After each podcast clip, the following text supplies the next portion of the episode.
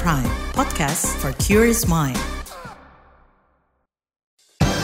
Saatnya Anda dengarkan Ruang Publik KBR. Halo, selamat pagi. Kembali lagi Anda bertemu dengan saya Rizal Wijaya di Ruang Publik KBR yang dipersembahkan oleh Waku. Dan tema pagi hari ini strategi bisnis FNB tetap tumbuh di tengah fenomena tech winter. Baik saudara, makanan dan minuman ini merupakan kebutuhan pokok setiap manusia ya. Dan dengan semakin bertambahnya jumlah penduduk Indonesia, ini tentu menjadi peluang bagi bisnis food and beverage. Dan menurut data dari Kementerian Perindustrian Indonesia, industri F&B merupakan salah satu sektor yang mengalami pertumbuhan yang signifikan di Indonesia. Pada tahun 2020, sektor ini menyumbang sekitar 3-4 persen dari total industri pengolahan di Indonesia. Pola konsumsi masyarakat Indonesia dalam hal F&B juga mengalami perubahan signifikan. Semakin banyaknya penduduk yang tinggal di perkotaan, gaya hidup yang sibuk telah membentuk habit membeli makan di luar rumah. Dan sering perkembangan teknologi, banyak bisnis F&B yang bertransformasi ke arah digital. Namun, fenomena tech winter atau mungkin bisa disebut dengan musim dingin teknologi gitu ya. sempat mengoncang startup di Indonesia. Lalu apa sebenarnya sih uh, yang disebut dengan tech winter ini dan seperti apa peluang juga tantangan bagi bisnis F&B di tengah fenomena tech winter? Kita akan bahas lebih dalam. Saya sudah uh, bersama dengan Mas Antoni Gunawan selaku CEO Waku ya. Saya akan sapa terlebih dahulu. Halo Mas Antoni. Halo Mas Isa. Selamat, Selamat pagi, pagi Mas. Semangat, semangat ya, semangat ya. Semangat. Oke. Okay. Tadi sempat macet-macetan hari Senin nih. Lumayan. Lumayan. Biasa pak. Normal. Pokoknya ya. kalau hari Senin normal ya. Memang uh, apa namanya sudah mungkin kebijakan baru sudah seharusnya WFH kali. Ya, setuju. setuju. Oke, okay, baik. Dan pagi hari ini kita ngomongin soal tema yang sangat menarik dan ini tadi juga di depan sudah sedikit dibahas mengenai winter tech ya. Mungkin masih banyak yang belum familiar dengan istilah winter tech ini di telinga sebagian pendengar kita yang tersebar di seluruh Indonesia Mas Antoni. Hmm. Mungkin sebelum kita ngobrol lebih dalam nih, boleh dijelaskan terlebih dahulu apa sih yang disebut dengan teh winter itu?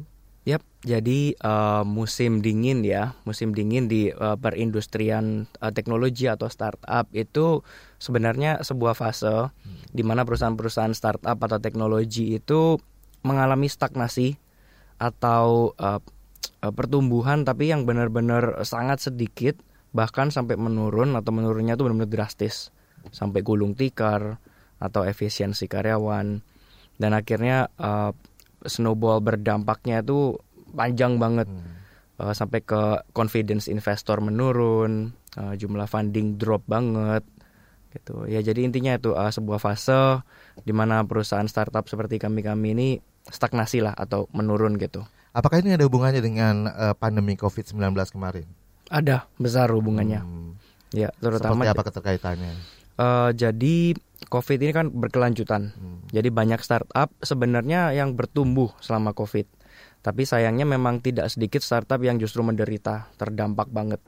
Jadi mereka berharap kan satu dua tahun kelar nih. Jadi kayak dua sisi mata uang ya. Artinya pada saat bersamaan dengan datangnya COVID, uh, ini mudah udah mulai tumbuh gitu ya, hmm, startup, uh, terutama food and beverage kan. Iya.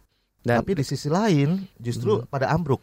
Ambruk. Uh, sebenarnya waktu start pun di awal-awal yang apa COVID ya, hmm. itu kan yang online food delivery itu sangat booming banget. Betul. Sempat bertumbuh sekali kan. Tapi uh, maybe memang karena uh, eh, F&B terutama di dunia retail, ini kita sekarang istilahnya tuh red ocean. Jadi pemainnya banyak banget banyak sekali startup-startup atau bahkan perusahaan konvensional F&B itu bang, apa bangkit ciptain produk ini, launching ini, inovasinya cepat banget. Jadi makanya sangat red ocean kompetitif sekali. Nah, itu yang membuat pertumbuhannya tidak apa maksudnya pertumbuhan secara revenue, omset itu tidak sebagus yang awal-awal Covid itu. Hmm, Oke, okay. ini jadi uh, apa ya namanya ya? Jadi tantangan tersendiri ya yang disebut dengan red ocean itu mungkin bisa dijelaskan lebih dalam lagi nih red ocean yang ya, dimaksud. Jadi uh, ada dua istilah ada blue ocean dan red ocean. Okay. Kita ngomongnya kalau blue ocean itu uh, pemain atau kompetitor di suatu lahan industri itu tidak banyak. Hmm. Hmm, jadi contoh uh, restoran peluangnya nih, lebih besar ya. Peluangnya lebih besar, tapi nggak juga. Eh, terkadang kalau kompetitornya nggak banyak, itu artinya nggak seru ini industrinya, Hmm, nggak banyak yang suka Oke. gitu. Apa peminatnya nggak banyak, Nggak banyak pilihan ya. Banyak pilihan, interestnya nggak banyak Betul. gitu. Tapi kalau kompetitor atau pemainnya banyak, itu justru mungkin seru nih, banyak nih, marketnya besar, peluangnya besar, banyak yang mau terjun ke situ. Oke. Ya, ya jadi istilah red ocean itu ya itu banyak pemainnya udahan. Oke, baik. Hmm. Dan eh, ini kan apa namanya fenomena fenomena tech winter ini sejak dimulai sejak apakah sejak pandemi apa memang sebelumnya juga sudah mulai terlihat nih hilalnya bakal ada fenomena tech winter. Eh, mungkin yang parahnya yang baru-baru ini ya, Hmm. bukan sejak yang awal COVID. Eh, dan mungkin yang closely yang sejak tahun lalu itu ada suku bunga yang naik. Eh, jadi foreign investors lebih pegang duit, cash is king kan. Oke.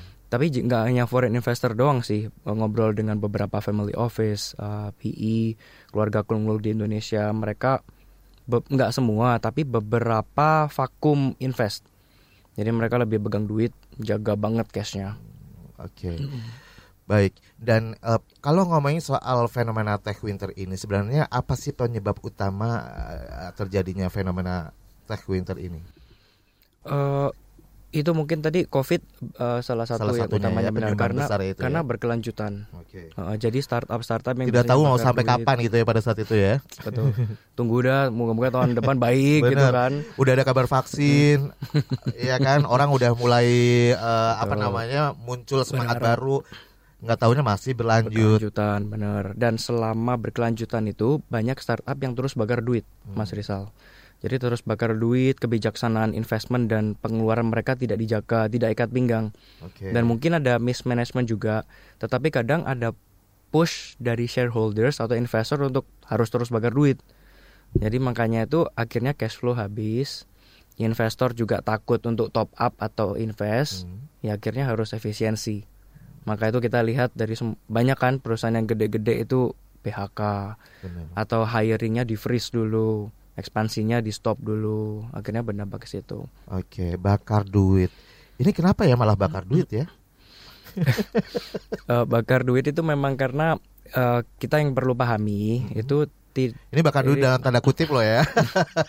Ntar menyalahi bakar lagi. duit bener. Eh, jadi memang ada beberapa jenis startup itu yang harus mengeluarkan bakar duit itu untuk eh, mendapatkan market. Oke. Itu seperti kayak mereka tidak punya pilihan. Jadi memang harus melakukan itu. Nah, jadi sayangnya jika itu tidak disertai dengan uh, cash flow atau top up dari investors, ya habis Pak. Runway mereka kan mungkin kayak 2 3 tahun. Hmm, Sesudah itu harus butuh modal lagi. Oke. Ya, jadi itu yang itulah yang terjadi di tech uh, winter ini. Cash flow-nya habis, runway-nya habis, bingung. Oke. Jadi eh, untuk jangka panjangnya juga makin berdampak gitu ya, Mas ya. Betul. Di Baik. Ini terkait dengan eh, sedikit tadi sudah dibahas, sudah disinggung ya dampak dari Tech Winter ini terhadap startup dan perusahaan teknologi. Mungkin bisa dielaborasi lagi nih apa saja kira-kira dampaknya yang Ya. paling berasa gitu loh. Em, jadi kalau secara statistik sih gak hanya di Indonesia memang. Jadi di Asia itu dampak confidence investor untuk menguncurkan dana itu turun 50 sampai 60 persen. It's a very big number itu. Hmm. Eh, Di, di ASEAN Indonesia turun sekitar 30 persenan eh, jumlah fundingnya ya. Dan itu dampaknya ya merembet ke mana-mana tadi Mas Rizal. Eh, efisiensi karyawan, ekspansinya harus berhenti. Sometimes sampai gulung tikar segala kan Betul. dan eh, di 2022 eh 2023 kuartal pertama itu datanya di seluruh dunia ini ada PHK hampir 250 ribu karyawan itu berarti ekuivalen dengan 2000 PHK per hari Oke. jadi itu sangat signifikan ya Eh, di Indonesia juga seperti kita tahu dari eh, startup-startup yang besar, unicorn yang tiap hari kita pakai kan, yang mempermudah hidup kita, itu mereka pun melakukan efisiensi yang drastis gitu. Dampaknya lebih ke situ. Kalau mau ngomongin lebih dampak lainnya lagi banyak mas. Jadi kalau ngomongin fresh grad, orang yang baru lulus, yang cari kerja, itu akan merasakan impactnya banget Baik. karena kita semuanya melakukan apa sel- lebih selektif untuk hiring. Baik. Jadi eh, apa namanya dampaknya memang eh, bukan hanya ke satu ini ya satu sektor gitu ya, tapi ke berbagai sektor. Dan ini ter- ternyata terjadi bukan hanya di Indonesia, di beberapa negara di dunia, bahkan Betul. seperti negara eh, adik kuasa Amerika seperti itu Ya, pasti, Pak. berdampak juga ya. Pasti. Yes, tadi datanya yang 200 ribu PHK Hmm. total itu I think dikuasai banyak di Amerika tuh angkanya. Hmm, Hmm. Jadi perusahaan yang gede-gede nggak nggak mau nyebut nama cuman udah di di mana-mana ada itu di berita. sudah diangkat di media di mana pun juga. Oke, nah kalau menurut anda nih kira-kira ini bakal sampai kapan sih fenomena ini terjadi di Indonesia? Hmm, Apakah sekarang udah mulai ada pertumbuhan lagi, semangat baru lagi gitu? ya kalau eh, dengar-dengar dari orang ekonomik ya yang expert di bidang ini harapannya di akhir tahun 2023 awal 2024 itu udah harusnya titik terang. Eh, jadi bersabar sedikit lagi Em, dan saya rasa sih mulai tahun ini kita akan melihat eh, pergerakan yang positif. Eh, ta- tapi dari ekonomis ya, mas orang-orang pakarnya itu tahun akhir akhir tahun 2023 atau awal 2024. Oke. Hmm. Apa saja nih yang bisa menandai bahwa ini ada titik terang, Mas? Mungkin dari kacamata Oh. Mas Antoni ya. Ya, eh, of course eh, pertama dari mungkin investor. Hmm. Confidence investor udah mulai naik, udah mulai berani invest invest lagi mereka. Eh, tren konsumen juga tentunya Eh, konsumen juga daya beli mereka meningkat Eh, dari traction traction startup startup kita para pemain yang di pelaku F&B ini meningkat gitu. Eh, mungkin dari situ. Oke. Nah, dari data atau riset yang tadi eh, sempat disinggung gitu ya, bisnis startup jenis apa nih yang paling banyak terdampak oleh Tech New Winter ini? Eh, Mungkin, salah satunya eh, tadi F&B gitu ya. Ya, tapi mungkin lebih tidak dibatasi dari industri apa. Hmm. Menurut saya lebih ke mereka tuh bisnis modelnya apa. Jadi bagi startup yang mementingkan growth daripada profit atau yang istilahnya bakar duit, Hmm. itu yang paling terdampak, Mas. Jadi mau itu F&B, mau itu apa fashion atau supply chain, pokoknya kalau mainnya yang di bakar duit, eh, profit itu nanti aja yang penting growth Oke. dulu, itu terdampak, Mas Oke. itu eh, kalau justru startup yang path of profitability-nya jelas atau operating profitnya udah hijau, bukunya udah hijau ini udah profit, Hmm. justru bagus. Karena investor justru sekarang mencari seperti itu. Oh perusahaannya sehat nih, ada cash flow, tapi tetap growing gitu. Ya, mudah-mudahan aja sih fenomena Tech Winter ini segera berakhir ya di Amin. di seperti tadi harapannya udah ada titik terang di tahun 2024 Ya, mendatang ya. Tahun ini semoga ya mas. Ini ada terka- keterkaitan dengan misalnya kayak suhu politik gitu nggak sih? Oh, kalau itu no comment ya mas. No comment ya. Tapi semoga tidak. Tapi semoga dengan nanti kampanye-kampanye Justru lebih baik. membantu Iya, yes, justru lebih harapannya. baik Betul. ya, menjadi support system juga ya kan? Exactly, benar. Betul. Baik. Dan kira-kira apa nih yang harus dimiliki untuk menjadi perusahaan yang bertahan eh, dari fenomena tech winter ini? Mungkin eh, ada tips atau apa pun yang bisa dibagikan ya. Ya, eh, lebih ke mungkin mindset. Jadi mindset di mana kita tuh pengusaha, ya wira swasta, entrepreneur namanya yang winter pasti akan ada kan. Kan yang karena istilahnya winter. Jadi nanti pasti ada spring, summer, fall, pasti akan ada winter lagi. Hmm. Makan ada pandemik lagi nggak tahu namanya apa. Amit-amit ya. Amit-amit. Cuman mindsetnya tuh harus siap gitu loh. Nggak akan set- setiap hari ada pelangi terang Betul. pasti akan ada hujan winter itu pasti ada jadi mungkin pesannya itu bahwa kita sebagai entrepreneur itu di atas title-title kita keren sebagai founder CEO kita itu entrepreneur first. Jadi memang harus siap tahan banting kita harus agile lincah Hmm. harus bisa melihat ke depan kalau ada ini gimana geraknya cepat. Makanya di dunia kita itu ada istilah pivot harus cepat pivot ke sini ke situ ganti bisnis model. Uh, mungkin itu sih pak untuk supaya apa untuk bertahan ya. Untuk Oke. bertahan itu mindsetnya harus benar Ganti bisnis model ini termasuk ya. ganti bisnis model benar Eh, Bukan berarti tidak konsisten ya.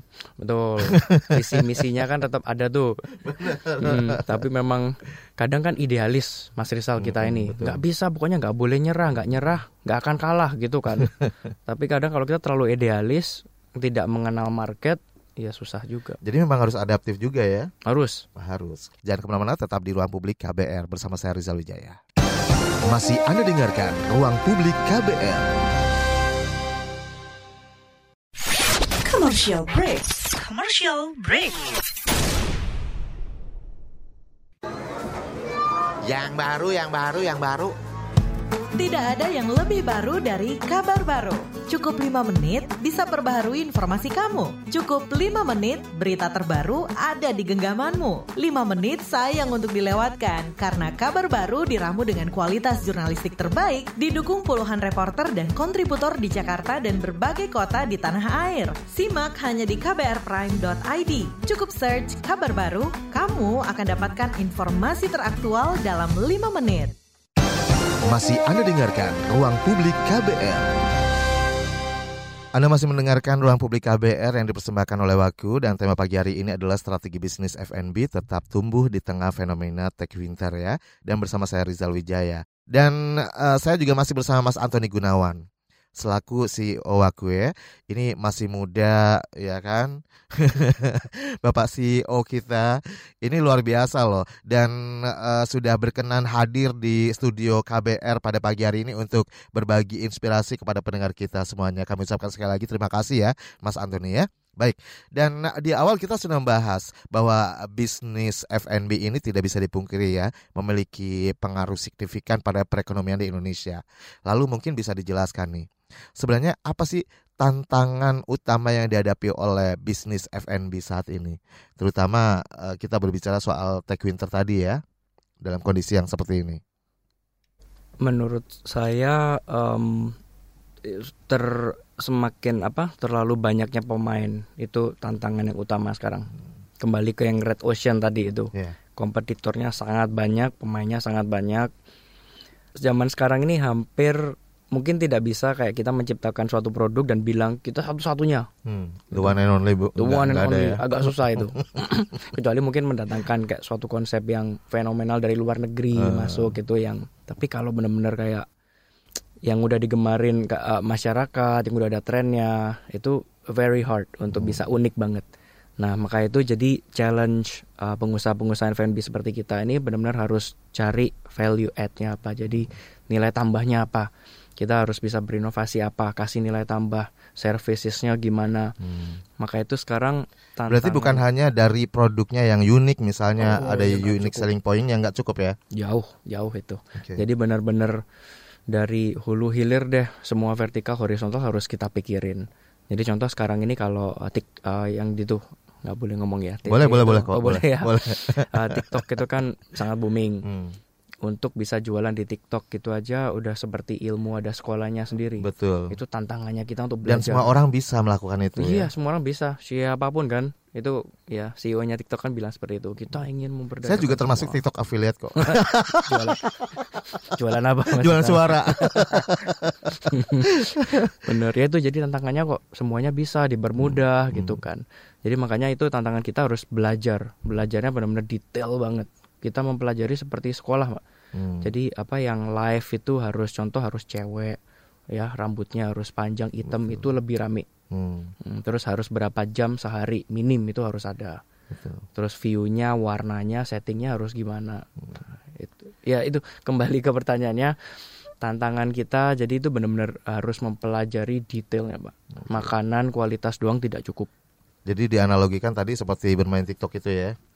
Oke, okay. baik.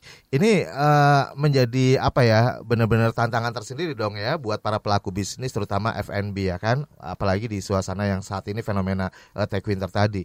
Nah, sebenarnya ini susah dilakukan atau mudah sebenarnya?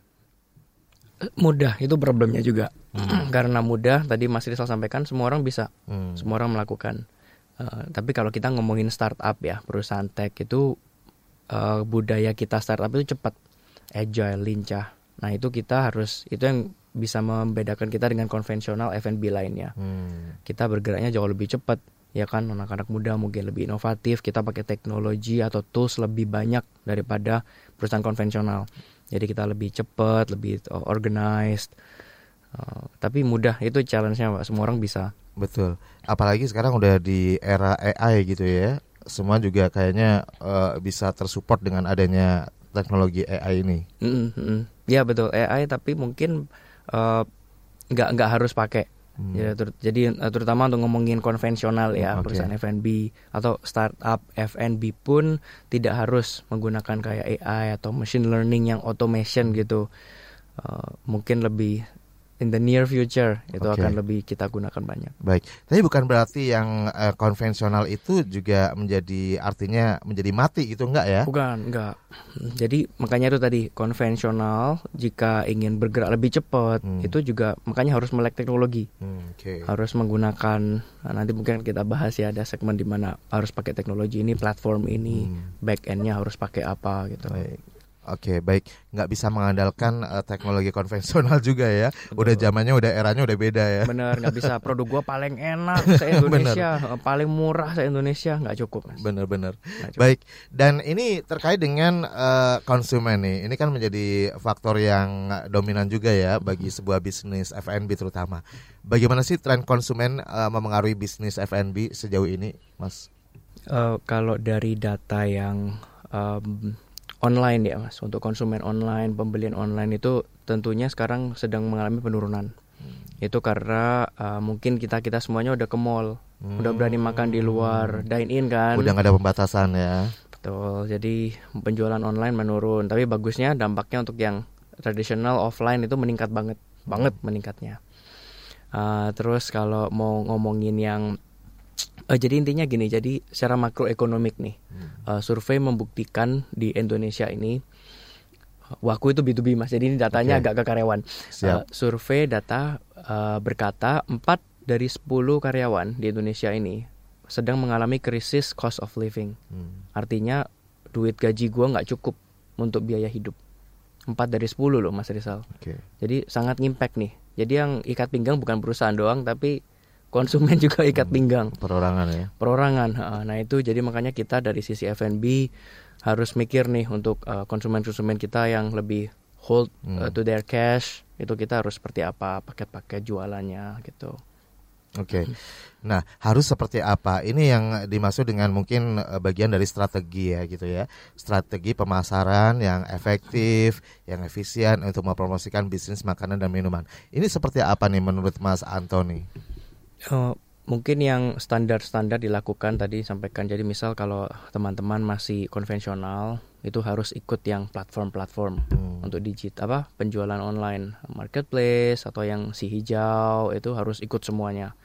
Lupa tapi komisinya tinggi banget mereka mintanya nggak peduli lu ikut dulu pokoknya hmm. harus harus karena kan banyak yang gitu nggak mau kasih komisi 20% 30% nggak ikut dulu yang penting rame dulu Oh, itu satu. Terus, yang penting mau dulu ya. Yang penting mau dulu karena yang penting ya sekali lagi ini kan pemainnya sangat banyak sekarang Mas Rizal, rame banget hmm, kan. Betul. Jadi kalau kita tidak membuat produk kita setidaknya dicoba orang, diviralin dulu. Oh, Mana orang bakal tahu ya kan? Mana orang bakal tahu benar. Jadi kita harus itu berani coba-coba teman-teman yang belum ya.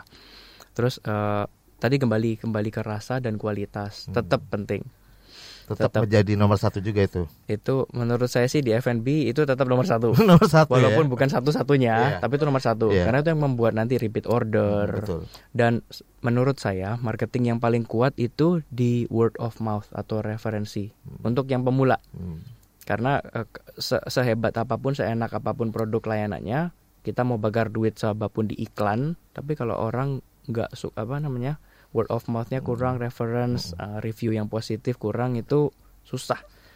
susah. Apalagi sekarang review bisa dilihat di mana-mana kan. Benar-benar sekali. Ya jadi itu mas uh, produk kualitas itu harus dijaga banget supaya repeat order repeat order nanti itu marketing yang paling bagus dan paling murah. Hmm. Hmm. Selain itu mungkin kayak misalnya services gitu seperti apa nih yang harus dilakukan? Ya tentunya jadi services uh, contoh simpelnya itu kecepatan merespon. Hmm. Jadi biasa kita kan uh, belinya di uh, pakai apa chat ya mungkin di TikTok ya, atau di Instagram atau balasnya via WhatsApp pun hmm. itu pelanggan akan sangat senang jika kita fast response. Okay. Ya, jadi cepat balasnya gitu. Jadi bukan orang pacaran doang ya yang pengen dibalas cepat ya, fast respon ya. Emang ngeselin sih kalau cuma diri doang apalagi ya, kesel banget ya kan. Betul. Artinya berarti memang uh, ketika kita udah mulai berbisnis ya memang harus memperhatikan uh, kayak misalnya customer service-nya seperti banget, itu ya. Banget. Selain kecepatan uh, dunia F&B ini penuh dengan problem Uh, jadi kadang pengantarannya telat, salah kirim, nggak enak ya kan? Kadang kirim enak kadang besok kering. Ya komplainnya pasti banyak. Bener. ya daily komplain tuh pasti ada. Nah itu kita yang harus jago banget. Selain cepat kita harus nanganinya. Caranya gimana kan mohon maaf dulu. Kasih komplimen. Hmm. nah, SOP-nya itu pak yang harus dijaga. Baik, hmm. wow luar biasa. Dan kali ini kita akan uh, mencoba membacakan salah satu komentar mungkin atau pertanyaan nih dari Alex Hermanto. Oke, Pak Albertus Alex Hermanto ya melalui YouTube. Target segmen mana yang tumbuh paling cepat post Covid? Ya. Segmen okay. mana? Segmen kalau ngomongin segmen uh, retail atau mungkin apa B2B B2G gitu ya. Saya rasa sekarang retail meningkat ini. Tapi sekali lagi ngomongin segmen itu um, tergantung F&B nih kalau kita tetap di dunia F&B nih mau ngomongin segmen retail atau B2B atau B2G tetap tetap aja rame gitu. Jadi saya mungkin nggak bisa ngomong kamu ke segmen ini yang lebih hmm. rame lebih itu. Lebih ke apa pun itu akan rame. Jadi dengan siapa tadi namanya? Bapak Albertus. Pak Albertus yeah. ya. Iya Albertus. Pak Albertus jadi apa pun itu segmen yang kita pilih uh, I think it's okay. Jadi yang penting kita uh, menyediakan saya sih ada punya lima resep uh, lima resep yang di segmen apa pun itu hmm. yang kita jalanin kalau kita memiliki ini itu pas uh, chance untuk suksesnya lebih tinggi. Okay. Jadi data ini dari ratusan ribu perusahaan survei dari Amerika sampai ke Asia Indonesia pun. Yang pertama itu yang penting timing uh, tempat dan lokasi. Hmm. Jadi timingnya apakah tempat gitu apa timingnya sudah masyarakat ini sudah siap menerima produk ini atau belum dan tempatnya lokasinya di mana gitu. Apakah marketnya gede uh, banyak yang suka atau tidak itu paling penting. Jadi justru nggak ngomongin segmennya apa hmm. tapi di timing dan lokasi. Kedua itu tim. Jadi timnya Pak Albertus ini udah lengkap belum timnya? Atau fighter sendiri? Ya, SDM ya. SDM bisa sih fight sendiri cuman peluangnya akan lebih besar sukses jika punya teman yang sevisi semisi yang ngebantu saling melengkapin ketiga baru ngomongin ide. Mau buat apa nih. Gitu. Mau buat apa nih pakai teknologi apa value addednya apa gitu. Yang keempat cari duit. Cari duitnya piye gitu gimana? Uh, revenue-nya gimana? Kapan bisa profit? Harus bakar duit pun oke okay, bakar duit tapi berapa lama? Jadi membuat forecast lah. Okay. ya dan terakhir kita ngumpulin duit atau modal. Yang kelima itu cari investor modal. Jika kita punya lima ini saya percaya mau segmen apa pun meskipun di F&B yang lagi rame gini hmm nggak apa-apa kita bisa kok survive. Baik. Jadi lima yang harus diperhatikan ya. Jadi mau bisnis apa pun juga tetap saja akan positif ya. Betul. baik. Ya artinya kita harus break terlebih dahulu.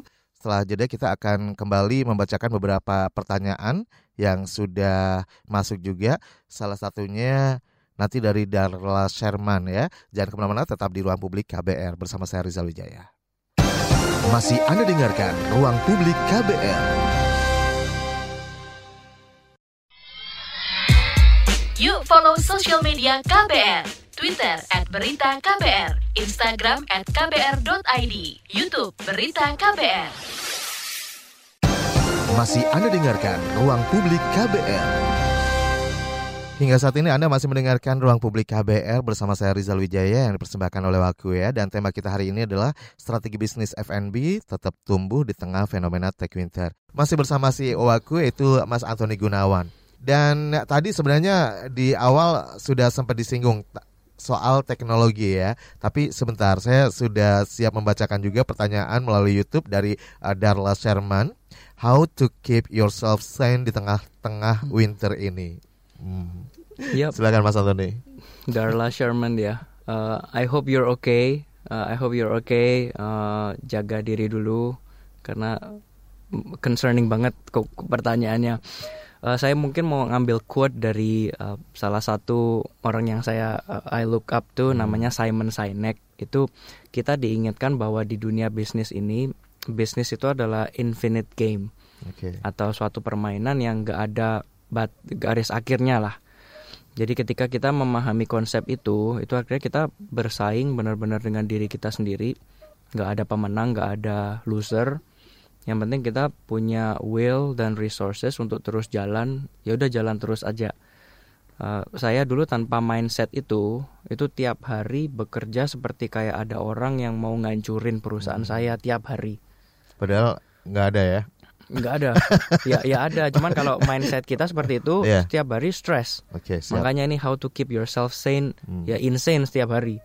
Karena setiap wake up pasti fightnya gimana Hmm. supaya survive. Kalau nggak mati nih kompetitor gini, gini, Terpacu gini. ya. Maju. Jadi kalau kita mikir it's an infinite game, nggak ada winner, nggak ada loser. Kamu kompetisi dengan diri sendiri Diri kok. sendiri. Yang penting you do your best. Ya, jangan lupa doa. Ya, Tuhan pasti tunjukkan jalan, berikan jalan. Uh, kamu just do your best aja. Ya, please stay sane. Jadi uh, health, mental healthnya dijaga, tidurnya cukup. Uh, refreshing ya nonton Netflix tiap hari nggak apa-apa Uh, main olahraga Santai banget ya kayaknya ya. harus dibuat gitu karena it, it's very important Hmm. untuk menjaga karena I assume Darla ini mungkin pengusaha juga jadi Siap. uh, harus uh, mental healthnya dijaga Siap, siap. Yap, dan eh, ini lagi-lagi terkait dengan teknologi ya.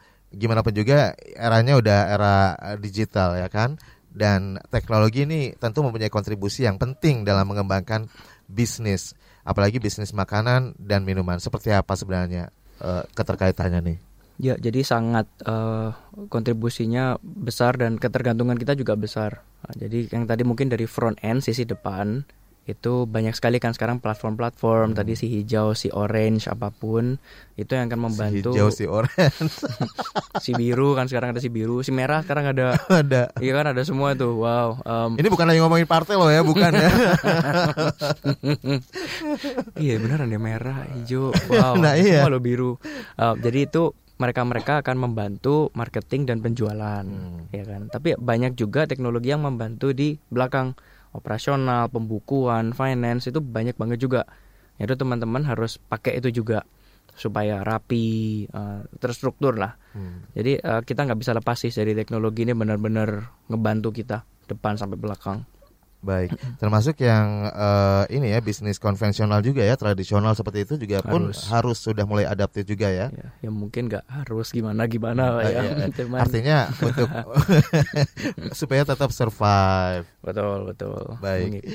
Dan ini bagaimana sih sebuah perusahaan makanan dan minuman eh, terkait dengan teknologi tentunya juga pasti bakal ada inovasi, inovasi yang akan tumbuh ya kan. Ini inovasi seperti apa untuk menghadapi permintaan konsumen yang terus berkembang? Ya, jadi benar inovasi harus dimulai dari kebutuhan konsumen. Jadi uh, maunya apa atau misal uh, kita bisa melihat nih, oh bulan depan akan hot produk ini nih. Kuncinya tapi di kecepatan, Mas Rizal dan teman-teman. Inovasi itu gampang, buat resep baru itu gampang, kreatif itu gampang, mudah maksudnya. Cuman gerak dengan cepat itu yang susah. Supaya menjadi yang pertama gitu. Menjadi pertama atau harus karena dunia bisnis atau F&B ini agile sekali kan. Baik, betul. Jadi contoh, oke kita buat produk baru R&D tiga bulan, tapi kompetitor kita pemain gede lainnya satu minggu kelar, dua minggu kelar. Akhirnya bukan berarti kita tidak akan bisa sukses mencapai apa market pasar itu ya, Hmm. tapi akhirnya kita telat gitu, bukan early bird lah. Betul betul. Mm, Jadi kecepatan itu kunci untuk inovasi. Terus kedua Sekecil apa pun Oh. inovasinya ya. Sekecil Yang apa pun penting harus cepat. Ya, agile heeh, jadi R&D cepat launching cepat soft launching cepat Oke. gitu yang kedua selain cepat itu modal jadi usaha apa pun launching apa pun tadi modal itu sangat penting Hmm. contoh mungkin bagi teman-teman di sini yang produknya harus ready stock nih nggak eh, harus nyetok nah itu kan harus harus cukup Pak. contoh kita nggak punya modal akhirnya PO terus nih Hmm. Eh, tapi dengan kompetitor lain produk serupa bisa cepat bisa instan kita kalah dong Betul. Hmm, pasti orang pengennya lebih cepat harganya sama kok gitu. jadi modal itu sangat perlu lah Apalagi kalau harganya lebih murah lagi ya. Waduh, udah Iya, pasti deh udah nggak bakal berpaling lagi tuh. bener makanya komponennya banyak tuh Pak, yang Bener. Ya, dan sebelum saya bacakan juga beberapa komentar yang sudah masuk melalui YouTube, saya juga ini kan eh, berbicara soal waku ya. Dari tadi dipersembahkan oleh Waku. Waku itu apa sih sebenarnya? Mas Antoni boleh kenalan dulu nih Waku. Ya Mas Rizal, jadi Waku itu kami adalah F&B Solution Provider. Jadi kami menyediakan solusi apa pun itu yang berhubungan dengan F&B bagi perusahaan dan pemerintahan. Jadi eh, contoh solusi-solusinya itu catering karyawan, kebutuhan karyawan seperti nasi box, snacks, Hmm. buffet, sampai ke pantry supply. Jadi kebutuhan aqua, roti, snack, pantry lah. Hmm, oke. Hmm, sampai bahkan ke ATK pun kita bisa provide. ATK. Ya, ATK. kita pokoknya jadi nanti ar- arahnya benar-benar ke all in one solution. Palu gada apa pun yang lu Oh. mau gua ada gitu. Nah, terus sekarang Jadi bukan bukan terbatas hanya FNB doang dong kalau gitu ya. akhirnya benar kita karena begitu kita sudah membantu suatu klien Hmm. itu mereka pasti akan banyak kebutuhan kan. Betul. Ya, ton bantuin ini juga dong gitu, bantuin ini juga akhirnya. Daripada ribet harus nyari lagi ya kan. Betul. Jadi salah satu kekuatan Waku dengan all in one itu benar-benar karena gini Mas, biasanya kalau klien itu catering lah cari karyawan, itu mereka bisa punya perusahaan gede ini ya. Mereka bisa punya 20 kontak untuk langganan nasi. Hmm. Nah, langganan nasi itu ada lima kontak sendiri. Hmm. Langganan snack ini sendiri, aqua ini sendiri, betul kan Mas. Rizal? Dan masing-masing kontak itu agreementnya kontraknya sendiri. TOP klien bayarnya sendiri. Pusing kan? Hmm. Nah, jadi makanya Waku masuk dengan Waku aja satu. Satu agreement, satu kontrak, kelar. Jadi sat- uh, satu untuk semua ya.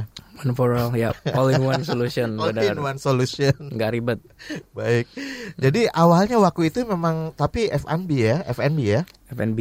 Cuman dulu awalnya nggak seperti ini. Hmm. Kalau melihat Waku dulu sama sekarang udah orang yang berbeda banget.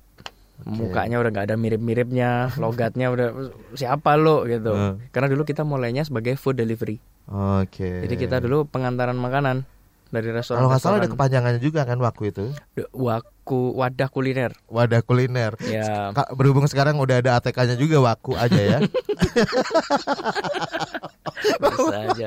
Bisa aja. Tapi enggak, maksudnya ini nyambung juga dengan inovasi tadi dong. Betul, Ya kan? Ini kan betul. bagian dari inovasi juga. Iya, harus pivot terus. Jadi kita dulu food delivery benar-benar Hmm. ngantar makanan. Itu kita bakar duit uang sekolahnya luar biasa, Mas Rizal. Selama berapa lama itu?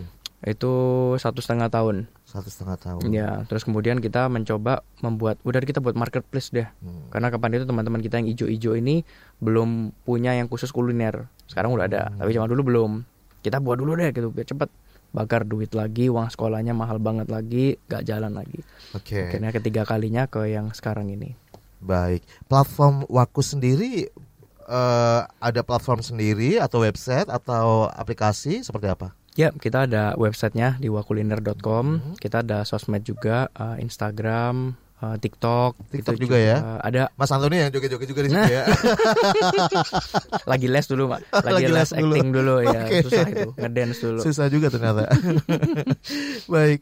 Nah, ini terkait dengan visi misi Waku. Mungkin apa nih yang bisa dijelaskan kepada pendengar kita? Eh, visi kita sih kita ingin menjadikan dunia lebih baik melalui makanan. Hmm. Itu eh, kita lakukan dengan membentuk eh, perusahaan solusi F&B yang terbaik di Indonesia. Eh, semoga dengan itu dengan produk layanan kita kita bisa meningkatkan kualitas hidup masyarakat ini melalui produk-produknya kita. Baik. Itu visinya kita. Sudah menjangkau seluruh Indonesia? Sekarang udah di 20-an kota. Wow. Dari Ya. awalnya di Jakarta. Awalnya di Jakarta, Jabodetabek. Oke. Lalu kita mulai sedikit-sedikit eh, tambang di Sulawesi, Kalimantan, terus eh, kantor-kantor pabrik di Bali, Medan. Oke. Hmm. Semuanya itu berproses ya Mas ya. Harus. Ya. mm-mm. Kalau boleh tahu itu eh, selama jangka berapa lama tuh Mas dari eh, pertama Jakarta akhirnya ke beberapa puluhan daerah? Untuk yang bisnis model yang terbarunya kami ini, I would say dari 2020.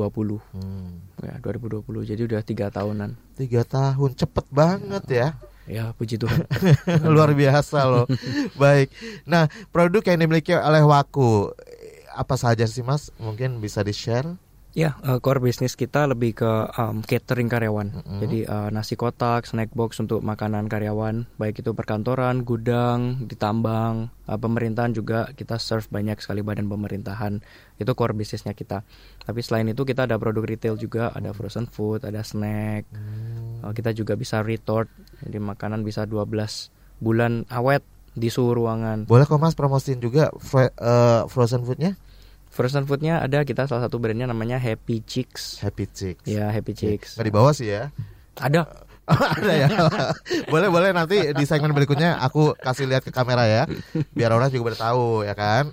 Oke. Siap. Baik baik baik. Ya kita break dulu mas. Lagi-lagi kita harus jeda dulu dan nanti akan kembali di segmen terakhir. Dan anda yang penasaran seperti apa sih produk-produk dari uh, Waku yang mungkin akan bisa saya kasih lihat nanti ya setelah jeda. Tetap di ruang publik KBR bersama saya Rizal Wijaya. Masih anda dengarkan ruang publik KBR. Commercial break. Commercial break. Aduh, hari ini gue bakal capek banget deh. Masuk pagi buta, full sampai sore. Ditambah harus kerja kelompok.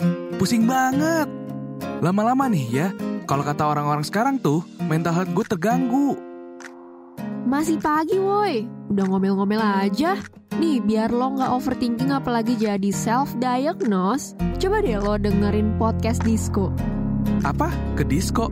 Disco, diskusi psikologi. Itu podcast woi, podcast. Menghadapi kenyataan dunia emang gak mudah.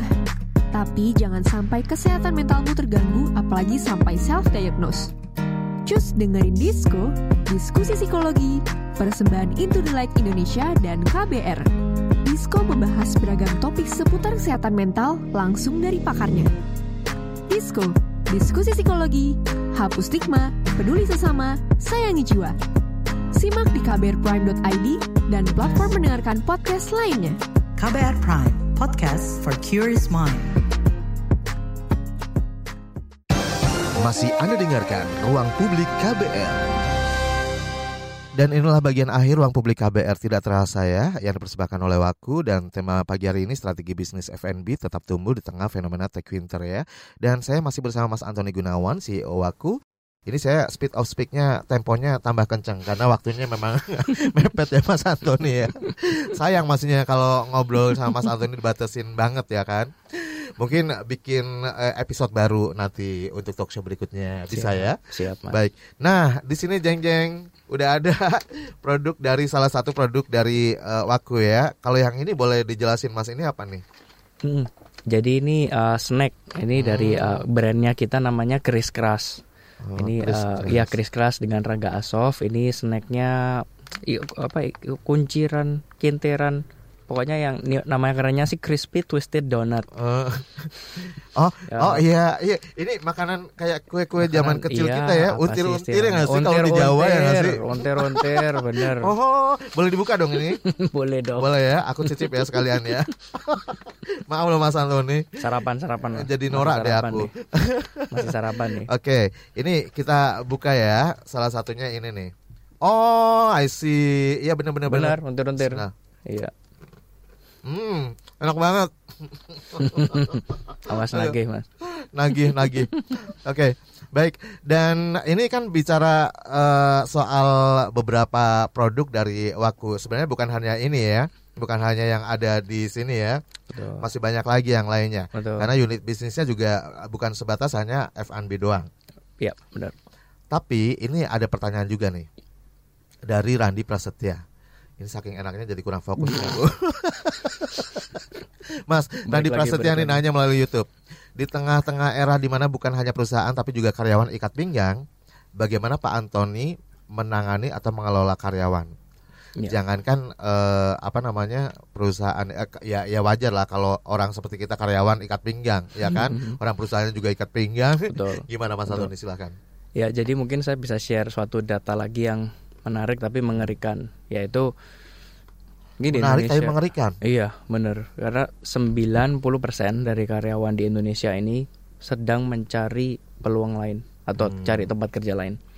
Bukan artinya dia ready untuk pindah ya cepat-cepat nggak sabar, tapi setidaknya dalam 95% ini menarik tertarik untuk keluar. Hmm. Salah satu faktor terbesarnya yaitu digaji.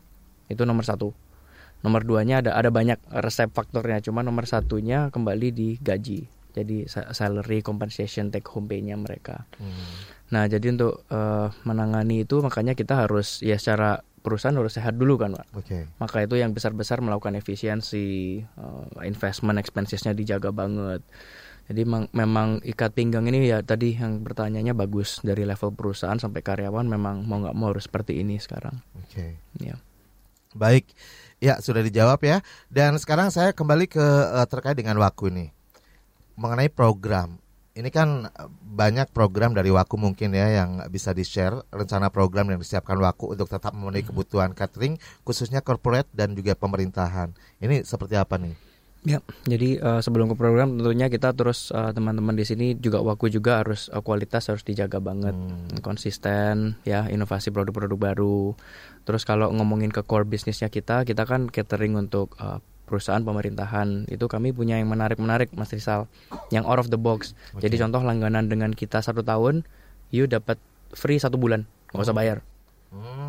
Lumayan kan, sebulan makan gak usah gak usah bayar. Lumayan banget. kita traktir. uh, atau kita ada juga uh, kerjasama dengan salah satu ice cream uh, supplier. Hmm. Itu jika langganan dengan kita setahun, kita bisa kasih 500 sampai 1000 ice cream gratis per bulan. Okay. Jadi kita tempatkan freezer udah pokoknya kita stok seribu es krim karyawan lu ngambil-ngambil silakan nanti next month bulan depan kita stok lagi seribu oke okay. gitu ya program-program seperti itu baik tapi kan sebenarnya kalau uh, terkait dengan program yang tadi ya ini inovatif dan tentunya menyenangkan dong bagi konsumen terutama ya Betul. tidak semua perusahaan juga bisa melakukan hal yang sama apakah setiap kita melakukan sebuah program inovasi itu harus menunggu uh, perusahaan settle dulu nih hijau dulu nih uh, tepatnya program-program yang tadi saya sampaikan mm -hmm. kayak buy 12 get one free hmm. atau gratis es krim itu hmm. itu tidak membutuhkan modal.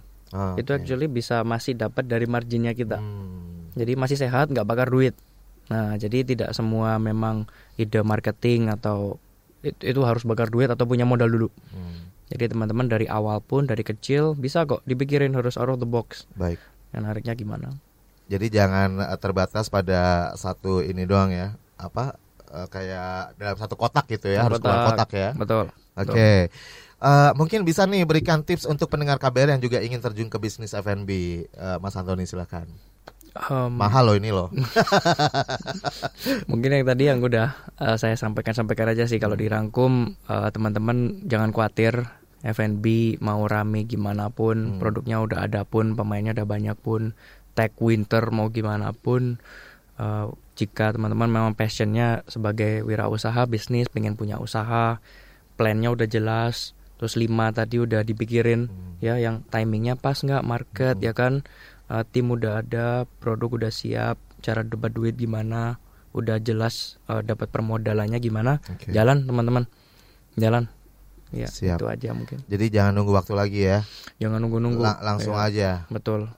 Uh, langsung aja ini. Hmm. jangan jangan telat sama yang lain.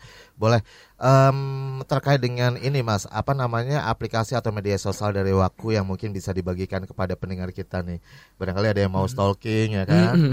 setelah ini di follow ya kalau website tadi uh, di banyak giveaway juga kan Uh, giveaway ada. Ada ya? Ada, ada. Biasanya itu yang paling buru kan. Boleh dikasih tahu, Mas? Iya, iya. Jadi uh, kalau websitenya yang wakuliner.com, hmm. terus yang TikTok uh, sama Instagram itu di @wakuliner. Wakuliner. Ya, wakuliner. Baik, jadi mulai sekarang mungkin anda yang uh, suka main TikTok ya boleh langsung uh, follow TikToknya dan IG-nya juga @wakuliner atau anda bisa kunjungi websitenya di wakuliner.com. Baik, uh, harapan anda deh sedikit saja Mas Antoni silahkan. Uh, semakin banyak perusahaan-perusahaan F&B bisa berkolaborasi itu saya berharap banget hmm. karena kan jadi jangan bersaing terus kolaborasi lah uh, karena saya berharap banget Indonesia bisa lebih banyak Centaurs, Unicorn, okay. F&B kan sekarang dikit banget tuh. Betul. Uh, semoga kita kita semua bisa bergabung menuju ke situ. Tumbuh bersama ya. Tumbuh bersama. Baik, terima kasih Mas Antoni yang sudah hadir, Mas Antoni Gunawan selaku hmm. CEO Waku yang sudah berbagi inspirasi pada pagi hari ini. Mudah-mudahan kita bisa ketemu lagi di lain waktu ya. Siap, Dan saya Rizal Wijaya harus segera pamit dari ruang publik KBR bersama dengan Waku. Ini salah satu produk-produknya yang kita bawa di sini ya. Terima kasih dan salam. Baru saja Anda dengarkan Ruang Publik KBR. KBR Prime, cara asik mendengar berita. KBR Prime podcast for curious mind.